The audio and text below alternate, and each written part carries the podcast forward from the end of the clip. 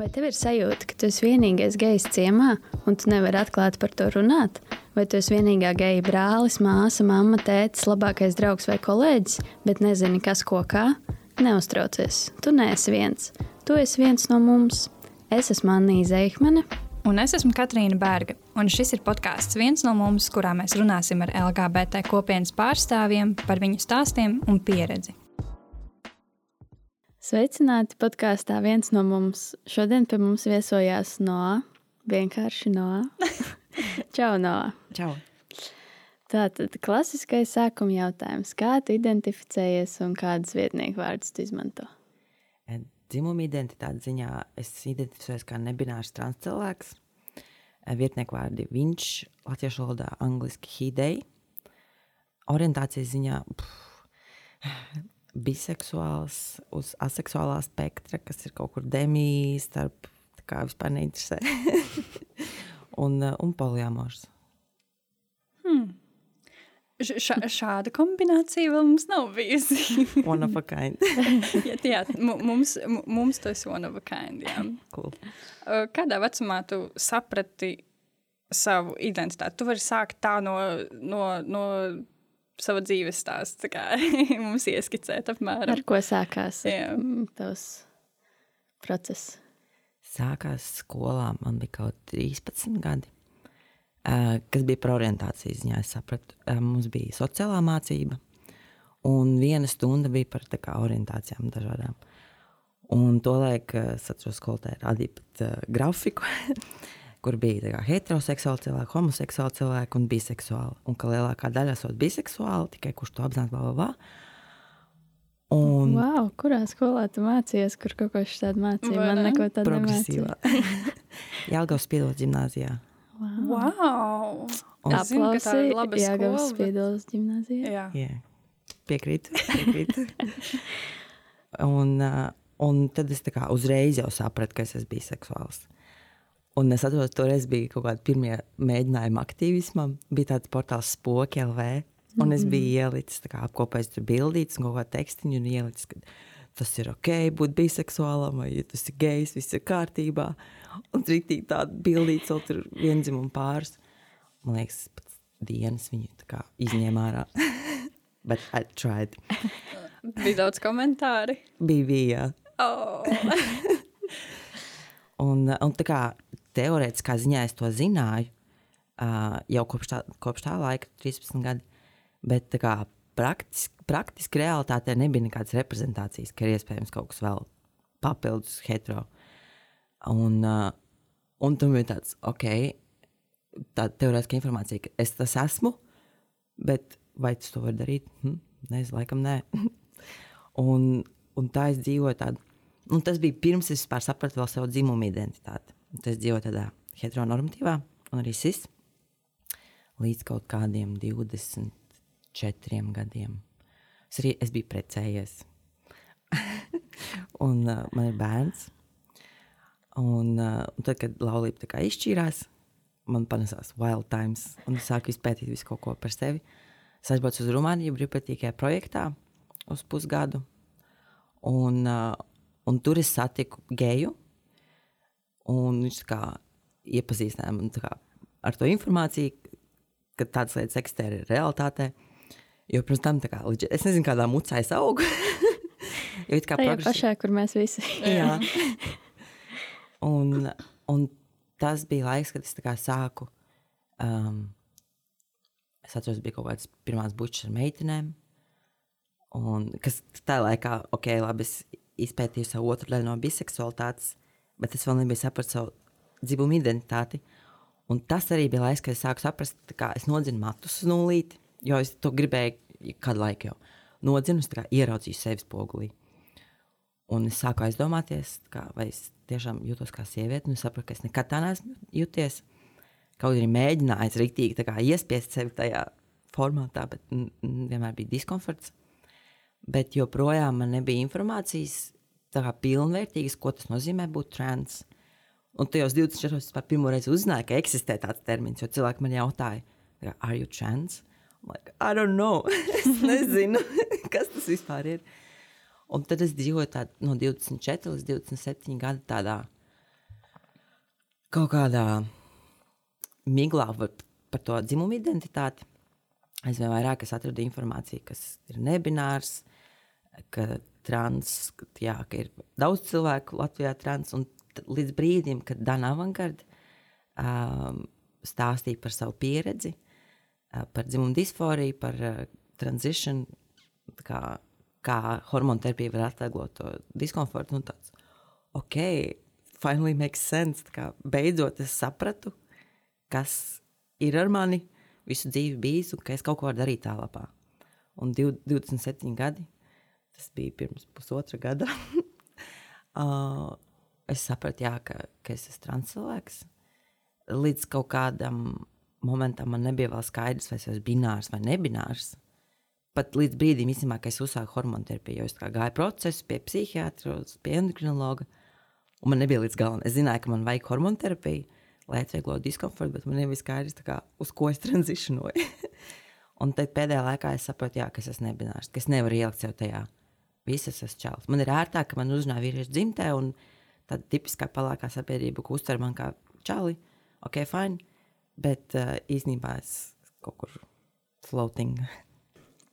Man nākamais jautājums ir, vai tev kādā brīdī bija sajūta, bācis kaut kas ātrāk šo būtu sapratis, ka būtu ātrāk sācis šo procesu, bet nu, tu minēji, ka tu tikai 24 gadu vecumā pirmo reizi vispār uzzināji, kas ir trans. Tad gan jau, bet tev ir sajūta, ka nu, būtu forši, tu būtu zinājis ātrāk un sācis to procesu ātrāk.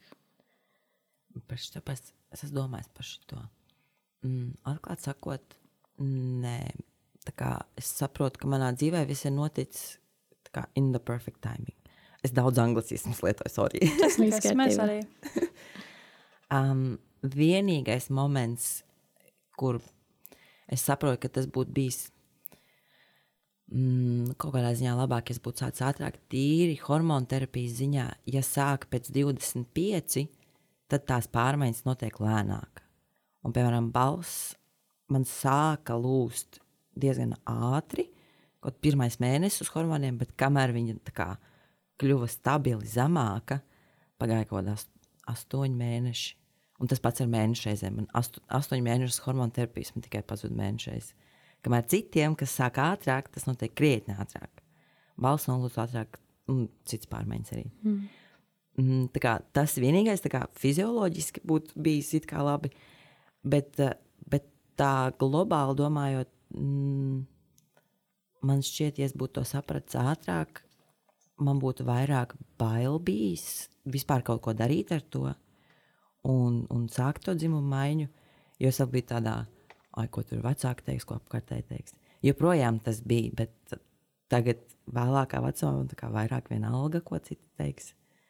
Un es tāpat daru, nu, daru kas man jādara dzīvēm. Bet, in general, man liekas, ka cilvēkiem ir vieglāk kā, kaut ko sākt saprast vai sākt skaļi pateikt par sevi, tad, kad viņi ir pieauguši, tad, kad viņi ir neatkarīgi, nu, vismaz no senčiem, nu, no ģimenes un tā. Jā. Pēc, jā, var saprast iemeslus. Jā. Kā tev vispār gāja ar uh, ģimeni? Kā tu viņiem paziņoji, vai tu vispār paziņoji? es paziņoju, jā, diezgan ātri. Pirmais cilvēks, eh, kam es pateicu, bija mans bērns. Jo man bija svarīgi, kā, lai bērns jau sāk sagatavoties, kad notiks pārmaiņas un, un tā. Un uh, viņi to uztvēra. Viņai tajā laikā bija seši gadi. Viņa tā kā, nu, okay, nu, es viņai skaidroju, ka tā, ka tā ir, ka ir trans cilvēki, ko tas nozīmē vienkāršos vārdos. Un tad vienreiz, nu, kā, starp citu, es arī esmu. Un es viņai turpināju, turpināju skaidrot, līdz viņa tā kā jau sāka saprast. Es viņai pajautāju jautājumus par to. Es saprotu, ka viņa ir sapratusi. Un ar viņu tā kā vispār nebija nekādas problēmas. Viņa pieņēma, bet man liekas, ka bērniem un arī jauniešiem ir vieglāk saprast tādas lietas nekā pieaugušiem cilvēkiem, kam ir jau kaut kā izveidojies tas pasaules mm. redzējums. Um, pārējiem Ome ļoti viegli to uztvēra. Tā kā pilnīgi bez problēmām, bez, bez liekiem jautājumiem. Vienkārši viņai bija tāds es gribu, lai tu esi laimīgs, vienalga kā, un, un čil. Kas man pārsteidz, jo viņi visu dzīvi dzīvoja dziļos laukos. Un tā kā tas tā paradoxāli mazliet bija. Uh, bet ar viņu bija vis, no pieaugušiem cilvēkiem vis, visvienkāršāk. Mammai tas prasīja, uf, mm, kaut kādu gadu mēs par to nerunājām. Tas bija kā elephant in the room. Kad tas notiek, es jau sāku hormonu terapiju, mainu dokumentus. Un pagāja gads, kopš es viņai to pateicu, līdz viņa kā, man liekas, to pieņēma. Jo iepriekš, es, kāpēc man bija bail viņai to teikt, jo iepriekš es biju dzirdējis no viņas transfobiskas piezīmes, un mums bija rītīgs strīds par to, kā tu vari tā teikt. Un, uh, un man bija bail viņai teikt, un man liekas, ka tāpēc viņai tas prasīja laiku vairāk.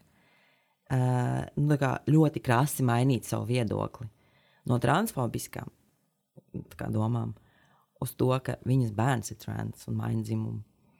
Tā kā saprot arī, bet tagad viss kārtībā. Kā, Tas labi. Un kā ir ar draugiem, piemēram? Ar draugiem man šobrīd visi draugi, kas man ir, ir kvīri. Tā kā vispār bez problēmām. Vēl, ja drīkst jautāt, uh, bērna otrs vecāks, nu, no viņa nenāca kaut kādas, nezinu, kaut kādas negācijas par to, ka ietekmēs bērnu, vai nu, kaut kādas tādas lietas, kas ir dzirdētas no homofobiskiem, transfobiskiem cilvēkiem. Pirmais bija, kad es pateicu bērnam, kas, main, kas mainīs dzimumu. Tad no viņa bija tā kā ne īsti homofobiska vai transfobiska, bet tāda, kāpēc tu to saki bērnam kā, tik jaunā vecumā, nu, priekš kam tas vajadzīgs. Un tas izskaidroja, lai bērns būtu gatavs tam morāli. Nevis es tagad sākšu hormonu terapiju, mainīsies balss un bērnam tas, kas notiek. Un tas viņam paskaidroja.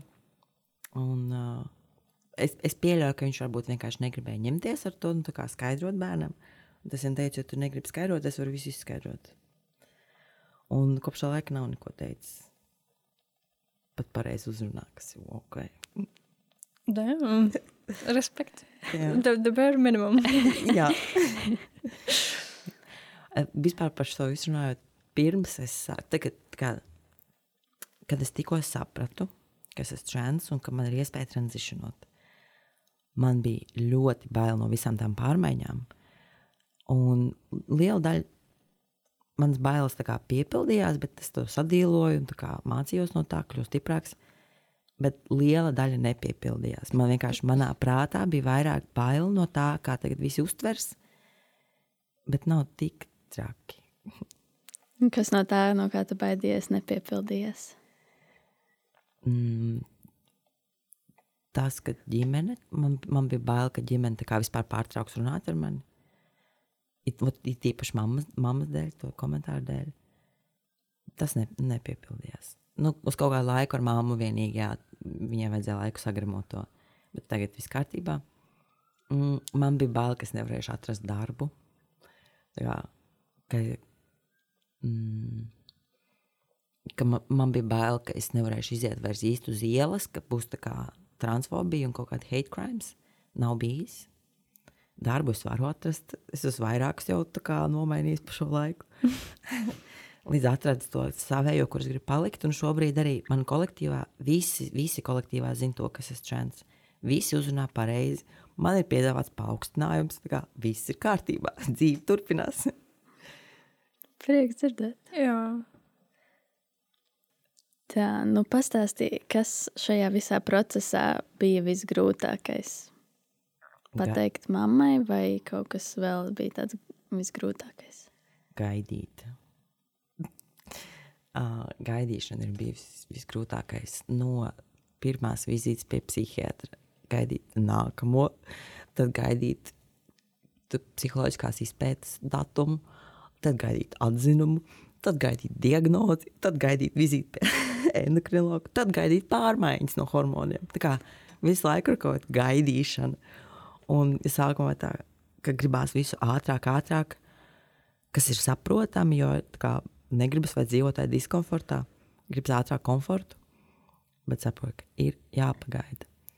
Un tas, tas ir bijis visgrūtākais. Bet kas, kas man atskatoties, ir nu, kā, iemācījis tādu lietu dzīvē, ka viss notiks, viss būs, tikai turpini iet uz to. Un tas varbūt prasīs kaut kādu laiku, bet nu, tā kā keep going. Un tev tagad ir tāds sajūta, ka okay, uf, ir pienācis tas, ko es gaidīju, vai tev joprojām tu gaidi vēl, vēl, vēl pārmaiņas? šobrīd mm, tā lielos vilcienos varētu teikt, ka, ka es sagaidījis. Jā. Protams, ir lietas, kuras es vēl gribu. Kā, balstoties uz to, ko es esmu sagaidījis, es gribu kā, turpināt, es gribu dziedāt, kā, trenēt balsi. Un pirms hormonu terapijas es jau to sāku darīt, bet bija kaut kāds moments, kad es vairs nevaru turpināt, jo ir disforija balss. Neiet zem un fizioloģiski neiet. Tagad es esmu sagaidījis to baseline, kas, kas var turpināt. Un, un, un balsoties jā, uz tām pārmaiņām, kas ir notikušas, ko es esmu sagaidījis, es gribu turpināt vēl to, ko es gribu dzīvē darīt. Un kontrastam varbūt tam, tam visgrūtākajam, kas, kas tu teiktu, būtu tavs vai laimīgākais brīdis, vai tavs vislielākais gandarījums šajā visā? Mm, jā, padomā. Droši. Mums ir daudz laika. um, atklāti sakot, kopienas atbalsts ir bijis ļoti nozīmīgs un kaut kādos brīžos um, ir, bijis liels prieks par to, ka ir cilvēki, kuriem pajautāt informāciju, piemēram, pie kura ārsta labāk iet vai ar kādiem dokumentiem labāk iet, un tā pašā laikā sniegt to informāciju tālāk cilvēkiem. Tad kontekstam eh, Telegram aplikācijā ir transatbalsta čats, un pievienojas ar vienu jaunu trans cilvēku, un mēs esam ap 70 šobrīd. Un ļoti ļoti liels atbalsts ir bijis no tā čata cilvēkiem, kas ir gājuši cauri pirms manis tam procesam, un tagad, kas pievienojas jauni, es, man, man ir jau informācijas bāze, ko es varu dot cilvēkiem, pie kā iet, pie kā neiet, ko darīt, ko nedarīt, lai atvieglotu viņiem procesu. Tas man īstenībā ir lielākais gandarījums, tas kopienas atbalsts savstarpējais. Mēs tā kā viens par otru. Arī tieši no tā trans atbalsta čata arī mēs tevi atradām. nu, tā kā, nu, nu, tā kā mēs, bet, bet mēs zinājām, kā atrast. yeah. zinājām, kā tevi sadabūt. yeah. nice.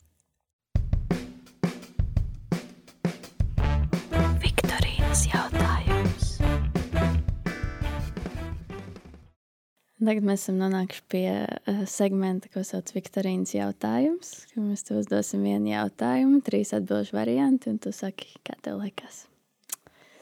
Tad jautājums šodien ir, kurā gadā APA, jeb Amerikas Psihiatrijas asociācija, izņēma homoseksualitāti no mentālo slimību saraksta?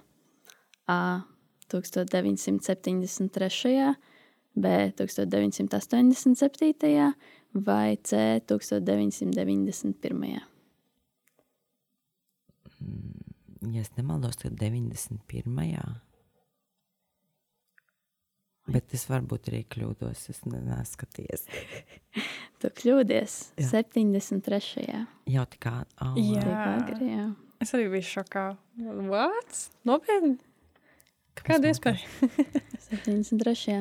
Bet no otras puses, padomāju, mani vecāki jau tad bija dzimuši. Kas arī tādā skatījumā neliekas tik sen. Uh, tu minēji, ka esi biseksuāls uz aseksuālā spektra. Uh, kā tu to izjūti un kā tu to varbūt varētu izskaidrot cilvēkiem, kas neko par šo tēmu nezina? Mm man īstenībā pirmais, kas man nāk prātā, kas man ļāva arī pašam to saprast, ļoti vienkārši ir grafiks, kur uz, uh, uz uh, vienas asas vertikālās ir piemēram hetero, homo un biseksuāls, un uz horizontālās asas ir kā, uh, alloseksuāls, jeb kā regular seksuāls, gan interesē seks, un, un, un otrā galā aseksuāls un pa vidu demī. Un tad es sevi redzu kaut kur pa vidu starp, tā, starp to nu, biseksuāli un, un demiseksuāli. Un vienkāršos vārdos to izskaidrojot, ir tā, ka mm, es domāju, kur lai sāk, kuru asi lai sāk. uh, labi, ar aseksuālo, ka mm, man nav tāds tipiskais, es paskatos uz cilvēku, man viņš patīk, es viņu gribu tā kā seksu ar viņu. Vispār nē. Man rodas interese par seksuālām aktivitātēm tikai tajā brīdī, kad es jūtu kaut kādu tādu saikni ar cilvēku, ka mums ir izveidojusies draudzība. un, uh, un emocionāla saikne. Un tad iespējams, kā man var rasties tā interese, ka mēs varam kaut kādas seksuālas darbības padarīt fun times. Bet, uh, ja tas nav, es varu mierīgi dzīvot bez tā. Un tas, tas galīgi nav kaut kas tāds, kas man ikdienā būtu kā, jā, man gribās seksu. Ne, man vairāk ir tā, ka man tas ir liekas effort. Bet, pagaid, ņemšanās riktīgi.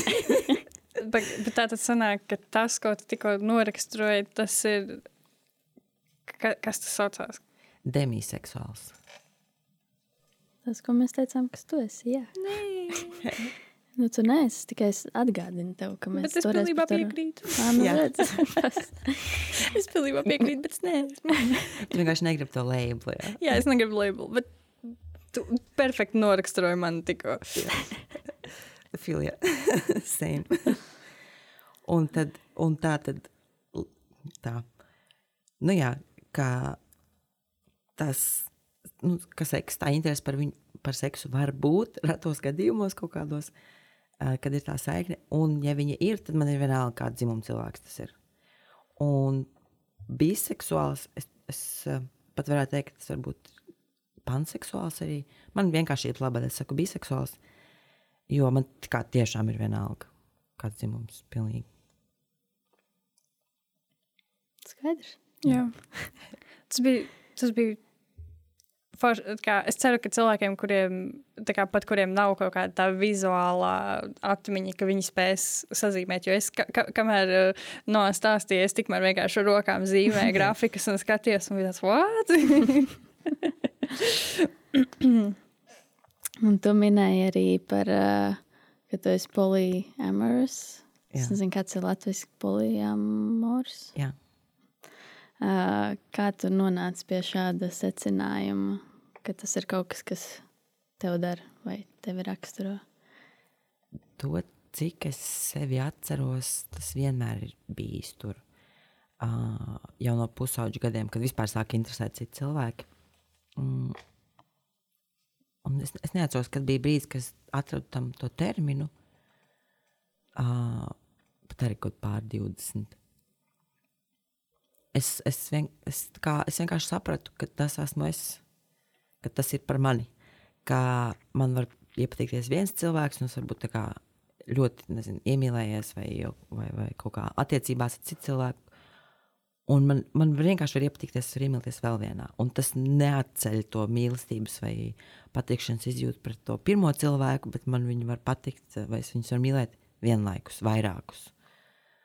Un uh, es atceros, te, kad es vēl biju laulībā, un bija tā kā committed relationship ar vienu cilvēku, un man iepatikās vēl kāds. Un es kā iemīlējos vēl, man bija bail no savām izjūtām, kas notiek ar mani, kā, vai tā ir krāpšana. uh, un, un sākumā jā, bija tā kā, kad es sāku tā apzināti to apzināties, uh, bija grūti to pieņemt, jo es nezināju, ka tas vispār ir iespējams. Un tad, kad es to sapratu, es sapratu, ka tā notiek, ka ir polijāmori cilvēki, vienkārši viņi tādi ir, tad, tad man kļuva vieglāk. Un tad es, uh, kad es iepazīstu jaunu cilvēku, tā ir gan viena no pirmajām lietām, ko es viņiem pasaku, ka es esmu polijāmors.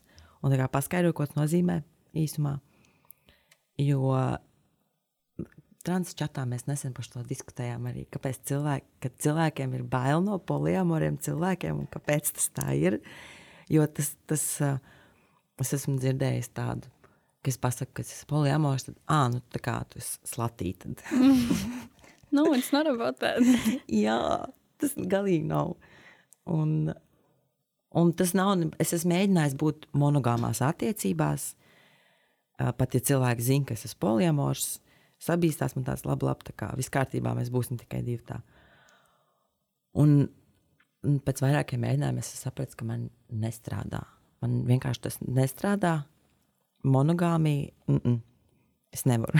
Tad es labāk esmu single, nevis monogāmās attiecībās, jo es nejūtos tā kā,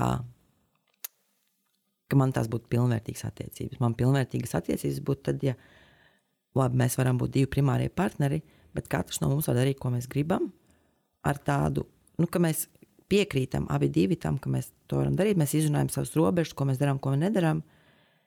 Bet uh, kā es to saskatu, ka katram cilvēkam ir kaut kādas vajadzības, emocionālās, fiziskās, kuras lielu daļu mēs varam apmierināt paši sev, bet lielu daļu caur citiem cilvēkiem. Un attiecības ir tā vieta, kur mēs to varam izdarīt. Un man liekas, tas ir nereāli, ka viens kā, cilvēks manā dzīvē varētu apmierināt visas manas emocionālās vai fiziskās vajadzības, kuras nevaru sev apmierināt. Līdz ar to man ir vajadzīgi kā, daudz cilvēku man apkārt. Un tas, ka es esmu poliamors, nevienmēr nozīmē to, ka, ka man būs romantiskas attiecības ar vairākiem cilvēkiem, ka man būs seksuāls attiecības, vēl vairāk ņemot vērā to, ka es esmu uz aseksuālā spektra. Bet uh, manā uztverē poliamora ietver arī draudzības. Un, piemēram, ja man ir partneris, viņam ir svarīgi zināt, ka man ir tuvas draudzības ar, ar cilvēkiem, um, emocionāls, emocionāli tuvas. Un man poliamorija vairāk ietver kā, plašāku attiecību spektru, nevis tikai romantiskās un seksuālās. Beigās plēpājos, man liekas. Nē, bet, bet, bet ir noderīgi, tāpēc, ka mums arī nekad nav bijusi tā kā podkāstā saruna par to. Ši, šī ir pirmā reize, kad tiek pacelt šī tēma. Man liekas, Jā. tas ir ļoti, ļoti noderīgi arī nu, tā, lai ir, nu, zinā, lai, lai, sap, lai vienkārši pateikt šeit tas, ka tas ir ok, we don't judge, we, we can talk about it. Yeah. Tā kā ļoti forši, ka tu vispār vari kā, tik atklāts par to parunāt. Yeah. Thank you. Welcome. Uh, man liekas, ka šis arī ir kaut kāda lieta, ko tev bieži jautā, kad cilvēkiem pasaka, ka tu esi tādās attiecībās. Bet uh, nu, man interesē, es nezinu, greizsirdība. Tas, nu, tas neeksistē tev savā dzīvē, vai tu ar to kaut kā tiec galā, vai kā, nu, kā tas strādā? Mm, tā. Mm. Es domāju, no kura no kā lai sāku to. Um, man šķiet, tas ir mīts, ka poliamora cilvēki nav greizsirdīgi vispār, jo greizsirdība ir normāla cilvēka izjūta. Man ir bijusi greizsirdība tajos brīžos, kad es jūtu, ka, mm, ka mans partneris mm, kā, nevelta man tik kvalitatīvi sevi, kā viņš to darīja iepriekš, tāpēc, ka ir pienācis, kā cits cilvēks. Tad, protams, uh, kā, kā, kā, kā ar mani. um, bet uh, es, mā, es mācos ar to kā, sadīlot, kā izrunājot, nu, atklāti pasakot, ka es tagad jūtos šādi, jo tur notika tas un tas un tas. Kā mēs to mēs varam darīt lietas labā? Um, jā, un vienlaikus ja, ja tas tiek izrunāts un, un ir savstarpēji sapratne un, un tā nu, sadarbība attiecībās, teikt, tad uh, man liekas, tāds pretstats greizsirdība. Es nezinu, kā šis ir latviešu. Es arī neatceros angļuiski to terminu, bet es izrakstīju to sajūtu, ka man ir prieks, patiesa prieks par cilvēku un viņa prieku, kas viņam notiek ar citiem cilvēkiem es neatceros angļu terminu tam. Uh, es skatos uz diviem cilvēkiem, es tur neesmu iesaistīts, viņiem ir labi, man ir labi no tā, ka viņiem ir labi. Un tas man liekas, tāds baigais pretstats greizsirdībai, kas, protams, ir liels darbs ar sevi, lai tam tiktu, noņemt kaut kādu savu privātu īpašnieciskumu, varbūt, vai kaut ko, vai, vai mm, nu, jā, strādāt ar sevi. Poliamors attiecības ir liels darbs ar sevi, klāt sakot. Mm. Vairāk darbs ar sevi nekā darbs ar otru. Man liekas, ka jā. jā. darbs ar sevi un sadarbība ar otru, komunikācija ar otru. Jā. Un arī otra darbs ar sevi, kas ir uf. jā. Es domāju par greizsirdību vēl. Um, bet man pēdējā laikā mazāk ir tā greizsirdība, vairāk. Nu, labi, es šobrīd esmu singls, neesmu attiecināts, man ir viegli runāt, jā, privilēģi. bet uh, man aizvien vairāk ir tas tas, tas otrs, tas, pēc, tas prieks par citiem cilvēkiem, ka viņiem ir labi. Bet man izklausās, nu jā, ka tas tiešām ir liels darbs, it sevišķi Nu, es iedomājos, monogāmās attiecībās tev jau dažreiz notiek, nezinu, tev ir studijas, darbs, vēl kaut kas ģimene, un tad tas partneris tev, tu varbūt gribētu viņam veltīt vairāk laika, bet, nezinu, visa dzīve notiek, un tev pat nesanāk šim vienam partnerim, kur nu vēl, ka tev ir vairāk, un tev viņiem ir vienlīdzīgi jādod šis laiks, lai nerastos šī greizsirdība, man liekas, vajag rēķināšana un uh, Jā. Domāšana. Jā, tieši tāpēc es šobrīd esmu single. jo es saprotu, ka man nebūtu kā, laika, ko veltīt pat vienam partnerim. Nu vēl vairākiem? um, bet man liekas, tas, arī ir svarīgi uzsvērt, ka es joprojām, pat ja es esmu single, es joprojām esmu poliamors, ka tas neatceļ viens otru. Jā. Tas jau tāpat kā es single, tas neatceļ to, ka tu esi gejs vai streits. Jā. Ja projām esi pat, ja tev nav partneris. Jā. Un līdzīgi ar biseksualitāti arī. Ja tu esi tā kā ar vienu, vienu dzimumu cilvēku, tas neatceļ otru tavu daļu biseksualitātes. Jā. Uh, man te ir vēl nākamais jautājums, bet pirms tam es uh, nebiju sagatavojis šo jautājumu, jo es nezināju, tu man pārsteidzi ar faktu, ka tu biji precējies un tev ir bērns. Jā. Uh, varbūt, ja tu vēlies padalīties, kā, kā tas gadījās, ka tu paspēji apprecēties un, un kā tev gāja šajās attiecībās, vai viņas tev tā galīgi tā kā nomāca ar to, ka tu nu, varbūt nebija ar īsto cilvēku un vēl bija monogāmās attiecībās. Kā tev gāja ar šo visu? Mēs esam pieskārušies smagam tematam. Tu vari arī atteikties, tu vari neatbildēt, ja tu negribi par šo runāt. Mm, es domāju, mm, vispār es varētu, varētu ar domu, ka varbūt kāds sadzird, ka varbūt kādam ir līdzīgi. Tolaik es atceros, es biju tikko no vidusskolas, kad mēs iepazināmies. Un es atceros to laiku, ka es vispār nezināju, ko es ar savu dzīvi gribu darīt. Un bija tāds, nu, tā kā, kas nāk, tas būs. Mēs iepazināmies, un sākumā nebija doma par precēšanos, neko tādu. Mēs, cik mēs bijām kopā, man liekas, jā, divus gadus mēs bijām kopā. Un es kaut kādā brīdī es jūtu, intuitīvi es jūtu, ka mums būs bērns. Un es gribēju, lai tas bērns piedzimst laulībā, kas varbūt ir kaut kāds social conditioning, bla, bla, bla. Un uh, bija tā, ka es bildināju viņu. Tad uh, mēs apprecējāmies, un, un kaut kādu laiku pēc uh, kāzām kā mēs mēģinājām pieņemt bērnu, jo es vienkārši intuitīvi jūtu, ka, ka būs. Nezinu, kā racionāli man nav izskaidrojumi tam. Un kaut kā Tad, tad, kad jūs apprecējāties, tad jums bija kaut kādi 20, 21 sanāk. man bija 20, viņš bija vecāks, 6 gadu vecāks par mani. Man bija jā, 20. Un drīz pēc kāzām mēs kā apzināti mēģinājām viņu bērnu, un es eh, kaut trīs mēnešus pēc kāzām es, jā, paliku stāvoklī, kas ir disforiski to teikt. Uh, bet nu, tā, tas ir fakts. Jā. Un, uh, un man prieks šobrīd, kā man ir prieks, ka tas bērns ir super cool. Um, Bet tajā brīdī tas arī izraisīja kaut kādu diskomfortu, vai tajā brīdī tu biji tik ļoti neziņā par savu šo identitātes daļu, ka tev tas tā kā tādā veidā neskāra. tā brīdī es, mm, tas diskomforts bija, bet uh, es viņu neapzinājos.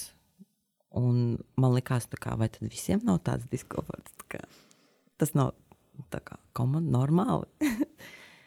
um, Man liekas, jau būšana stāvoklī kā tāda ir tāds nu, nekomfortabls Process. laiks. jā. Jā, tas var saprast, ka var nesaprast uh, citu vēl diskomfortu, kas nāk tam klāt. jā. Gan to laiku īstenībā atceroties, man patika viena lieta. Tik ļoti patika, kad es biju stāvoklī. Man nebija mēnešējuši. The best. Man tā patika. That's one thing I'm looking forward to. Īstenībā grūtniecības laiks pats par sevi man nebija smags. Man nebija tur nekādas tūskas un vēl kaut kāda brīnuma. Bija diezgan viegli. Man, kaut, varbūt tas bija hormonu ietekmē, ka es jutos tā kā tāds saulstariņš. Tāds. Mm,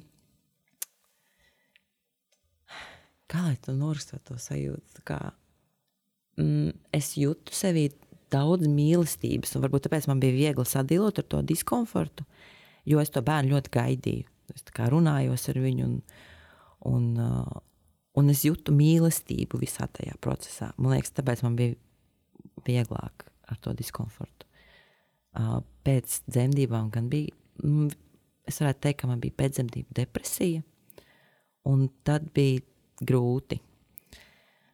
Uh, un kaut kādu pusotru gadu pēc tam, kad bērns bija piedzimis, kā es sapratu racionāli, ka nav labi, man ir depresija, man ir jāmeklē palīdzība.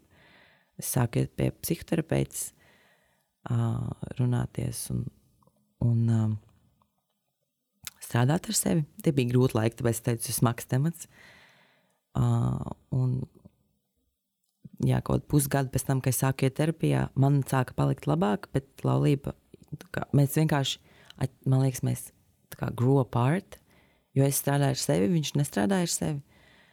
Un es mainījos, man mainījās dzīves uztvere.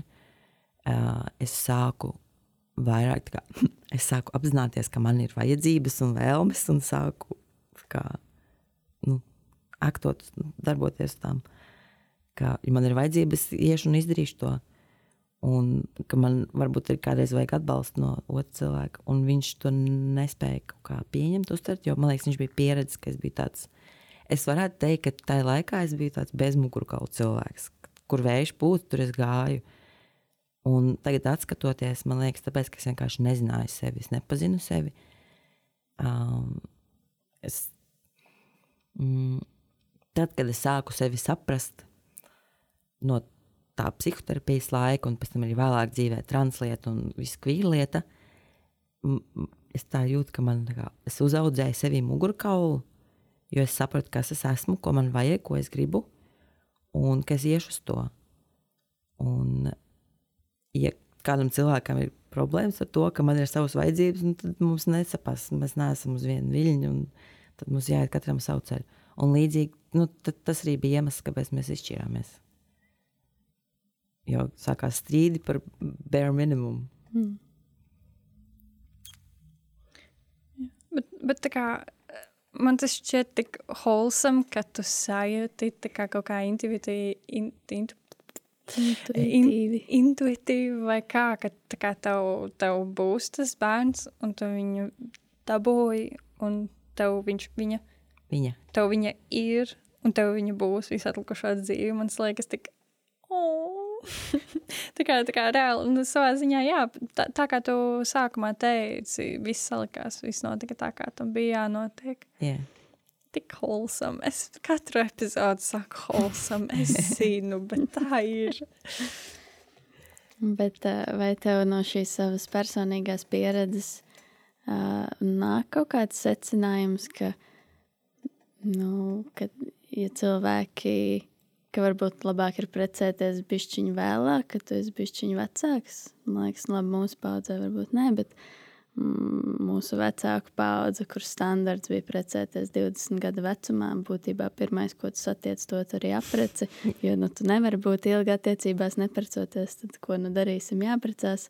Vai tu redzi tajā, šajā visā tādā uzstādījumā, ka tas ir standarts kaut ko sliktu, ka tā, tavuprāt, nevajadzētu būt? Jā, man liekas, ka tas ir standarts. Man liekas, tā standarta dēļ arī es tik, ātri visu to paspēju. Un uh, tagad, skatoties, iziet cauri tai pieredzēji, mm, nevajag. um, te var būt uh, demogrāfijas uh, kā, celt mēģinātājiem ļoti oponēs. Ja jāprecās bērnu jautājums. Bet es uzskatu, ka ir vērts iepazīt sevi. Mm, kā vismaz kaut kādus div- 20, nu, no 20 līdz 30 gadiem, man šķiet, ir tas laiks, kad cilvēkiem ir svarīgi pieredzēt dzīvi caur to, ko es gribu, ko, ko, man, kā, ko es jūtu, ko man gribētos izdarīt. Pat ja tas ir kaut kas traks, aizbraukt, nezinu, projektā uz ārzemēm vai, vai vienkārši kaut ko traku izdarīt, nodzīt matus. Nu, dari to, jo ar katru to lietu, ko tu izdarīsi, tu iepazīsi sev labāk. Jo vairāk tu sevi iepazīsi, jo, liekas, vairāk tu būsi gatavs attiecībām ar otru cilvēku. Un tad tam tai laulībai un tam attiecībām būs tad, kā, lielāka jēga, man šķiet. Nu, Cita kvalitāte. Jā. Jā. Jā. Jo tā vietā, lai me, meklētu to laimi attiecībās, un laulībās un, un ģimenē, mm, man liekas, lai spētu dot kaut ko citiem cilvēkiem, tev ir jābūt pašam, pašam atradušam, ko dot. Un nevienmēr attiecības un, un laulības veidošana būs tā vieta, kur tu to varēsi atrast. Tur bieži vien tas būs ārpus. Un tāpēc apsveriet kārtīgi, vai, vai jums tā vajag, kā, ar kādu domu tiek taisīts tās attiecības un tā lau, laulība. Meklēt laimi tajā, un tad padomā divreiz, vai tā tiešām būs tā vieta. Bet, protams, ja cilvēki zina, ir pārliecināti, viņi ir sapratuši sevi, viņiem viss ir skaidrs uh, par savu kā, personīgo dzīvi, un viņi ir pārliecināti totāli, ka jā, viņi grib precēties, būt attiecībās un go for it. Kā you do you boo. Jā. Un vēl viena lieta. Pat ja kāds jau ir precējies vai taisās precēties un nav atpakaļceļ, un pēc kaut kāda laika saprot, ka nu, tā kā nav īsti ka jāšķirās. Nu, okay.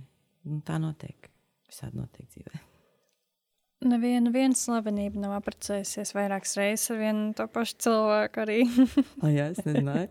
Jā, ir tāds, tā Jennifer Lopes ar Bēnu Affleku nebija apprecējušies, vai tagad viņi atkal kopā? Nezinu, es laikam nesakoju šādiem. Es, ne, bet es zinu, ka Jā, cilvēki mēdz apprecēties vairākas reizes. Izšķirties un apprecēties, izšķirties un apprecēties. wow. Tā kā viss jā, ir iespējams. Mācīt no tā, ka var šķirties. Tas ir normāli. Šķirties un labāk ir izšķirties, man liekas, nekā. Nezinu, 30 gados tev tāds, ai, ko nu vairs mēs jau esam precējušies. Tur, nezinu, piemēram, 10 gadus, nu jau ko tad vairs. Bet patiesībā tev priekšā ir vēl 40, 50 vai cik nu tev būs doti gadi. Un, Jā. jā, varbūt labāk izšķiries un Jā. dari savu lietu. Man liekas, atkarīgs no tā, cik tās attiecības ir kvalitatīvas. Bet pat ja viņas ir nu, kvalitatīvas un ļoti mīlošas, tāpat man liekas, ka ir tas faktors, ka tas otrs cilvēks ietekmē tavas izvēles. Nu, kaut vai tā matu nodzīšana vai braukšana ārzem, uz ārzemēm, kad tev sagribās, tomēr tu rēķinies ar šo cilvēku. un Tas tev var atturēt no kaut kādām. Es nesaku, ka nevajag būt attiecībās. Tas ir ļoti Jā. skaisti būt attiecībās, bet tas tāpat var, pat ja viņas ir skaistas un mīlošas, var ietekmēt tavas izvēles. Jā. Un tā tam arī būtu jā, jābūt loģiski, ka tu rēķinies ar otru cilvēku. Jā. Tik man liekas, svarīgi ir saprast, vai es šajā dzīves posmā gribu, lai man kā, ir jārēķinās ar kādu, vai, ir, vai arī es gribu totāli brīvību sadarīt jebko. Nu, kad, man liekas, nav tāda viennozīmīga atbilde, ir labi tā vai tā. Tas ir ļoti individuāli katram caur savām izjūtām, ko man šobrīd dzīvē vajag. I agree. I, I, I feel like a preacher. Nē, mums ir tas prikals, tas, ka, tas, ka mums bieži vien, kā kur epizode, bet dažas epizodes ir tā kā psihologa kabinets bez mazliet. Jā. Kur mēs vienkārši tā kā ļoti, ļoti dīvaini sarunas vienkārši aiziet. Tā, dodoties tālāk, uh, tur arī sadarbībā ar Skapis EU aktīvistiem es izveidoju strāns atbalsta čatu, kā tu minēji. Par ko jūs tur runājat, un vai jums ir arī kādas tikšanās vai pasākumi, vai tas ir tīri čats, kur jūs sarakstaties? Tā. E, Mēs runājam, atklāti sakot, par visu iespējamo. Protams, ā, pamatā tas čats ir domāts trans jautājumiem. Tā kā ja kāds meklē informāciju, pie kura ārsta vērsties, vai kā kaut ko, kas notiek, tas, tas ir kā primārās lietas. Vai arī dalīties ar savu pieredzi, kā kam ir, kur ir gājis. Un te es vēl pieminēšu ne tikai pārstiem, bet arī pie kura friziera iet. un, nu, tādas lietas. Barbershopi Latvijā vispār ir atsevišķs temats. Jā.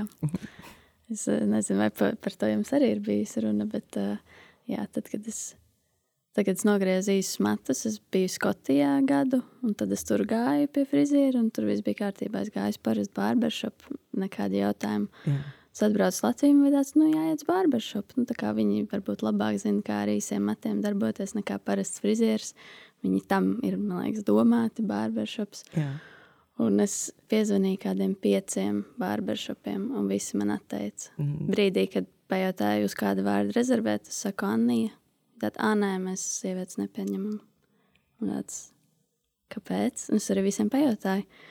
Viens man atbildēja, ka viņu barberi nav apmācīti strādāt uz sieviešu kā ka galvas forma sievietēm ir savādāka, ka viņi kā nogriezt matus. Man bija tāds, ko tu man tad ir? Kāda galvas forma man ir savādāka? Man ir vienkārši parasti mati, ko tu nevar man nogriezt matus.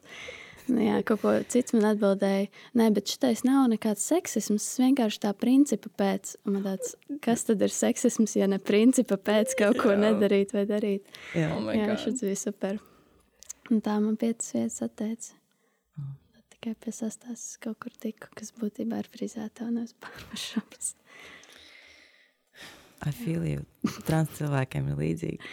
Tāpēc es saprotu, jā, ka jums šis arī varētu būt aktuāls jautājums, pie kā iet griezt matus. Jā.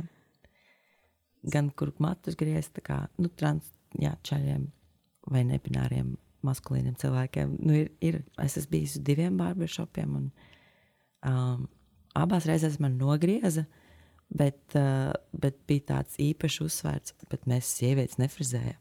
Man tāds viss kārtībā, es esmu trans. Ok, un tā kā confusion. Un uh, tieši man liekas, vakar vai aizvakar es rakstīju transčatā, ka man ir ideja taisam skaistumkopšanas salonu, kur ir strādā, kur tā kā queer, totally queer. Visi ir queeri, tu vari nākt, kas tu esi. Es transčiepu, kas grib nadziņus, nepāso. Viss kārtībā, nāc pie mums. Jā, es jūs ļoti atbalstu. Lūdzu, uztaisiet. Es arī atbalstu. Es arī atbalstu. Wow, queer. Kā frizēta un salons būtu izcili. Ka nav, ka nav jābaidās. Jo pa, pacēlās jautājums par to, kā, nu, vai ir tādi LGBT nedraudzīgi saloni. Nu, varbūt ne tā kā tiešā veidā atklāti, bet, piemēram, barbershop, quite sexist. Vai bieži vien cilvēkiem, man liekas, ir bail iet kaut kur, jo nezinu, kāda būs tā nu, attieksme. Bet pie mums būtu kā safe pašā saknē. Man liekas, ka arī netrūkst klientu. Jā. Straight cilvēki arī varētu nākt. es, tieši, es tieši domāju par to. Ka... Nē, nē, pieejas pajautāt uz strēti. Ā, nē, mēs nepieņemam. Streita diskriminācija. Lai viņi arī saprastu.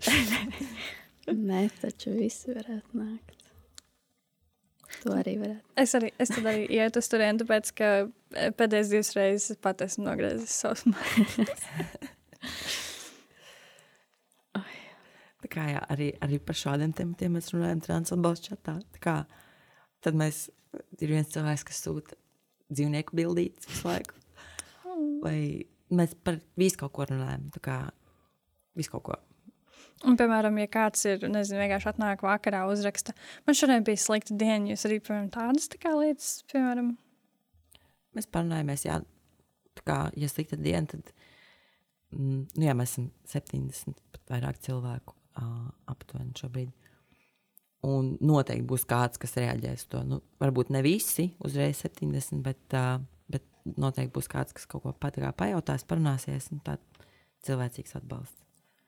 Arī par sliktu dienu vai, vai kaut kas notika, visu kaut ko. arī par nopietniem jautājumiem. Arī jā. jā. Un uh, mēs gan čatojam, gan laika pa laikam mēs organizējam arī klātienē tikšanās. Um, neko tādu super oficiālu, bet uh, mēs esam tikušies bārā, tā kā uz dzērieniem un tikšanos un parunāšanos. Mēs esam organizējuši pārgājienus pie dabas. Tā kā kaut ko. Tā kā in, pašu iniciatīvas, varētu teikt. Ko mēs sagribam, to mēs uztaisām. Bet tie ir vairāk tādi neformāli pasākumi, ja vienkārši kā draudzīgi pasākumi. Jā, Jā, es Tas ļoti jauki. Jā, Atkal, mē- mēs neesam ie- ie- aicināts. Sorry. Es tikai saku, ka ļoti jauki. es jokoju. Bet, uh, uh, nu, piemēram, klausītājs tagad grib uh, pievienoties šajā čatā, kā, kā mēs varam nodot viņam informāciju, kā lai viņš tiek šajā čatā. Es domāju, ka Lai- vis, visātrākais veids būtu iet Linktree ar eh, to slīpstītu transpunkts atbalsts. Un tur, ja nemaldos, ceturtā sadaļa ir pievienošanās transčatam. Mm. Var aizpildīt anketu ar savu vārdu. Var arī izvēlēt to vārdu, nav obligāti pasas vārdu, un uh, telefona numuru vai to telegramu, to username. Un tad, tad jā, tad tiks pievienots. Labi. Link 3 tas ir tavā profilā. Ja? Arī, jā. Arī var meklēt mani no Polītes, Facebook vai Instagram. To Tur link, linku mēs ieliksim apakšā zem posta. Es jau viņu gribēju tieši pieminēt, ka es redzēju, ka jums tur ir arī viss kaut kas noderīgs. Un pat ne tikai trans cilvēkiem, bet arī tas saraksts ar ārstiem, Jā, ginekologi, psihoterapeiti, pie kā var vērsties vai pie kuriem tieši nevērsties. jā. Tā kā mēs to noteikti pievienosim zem mūsu epizodes. jā paldies. Nu, zem epizodes Instagram. Visur, kur varēsim, tur jā. Aiziet. Uh, nobeigumā, ko tu ieteiktu vai novēlētu tieši trans uh, cilvēkiem Latvijā?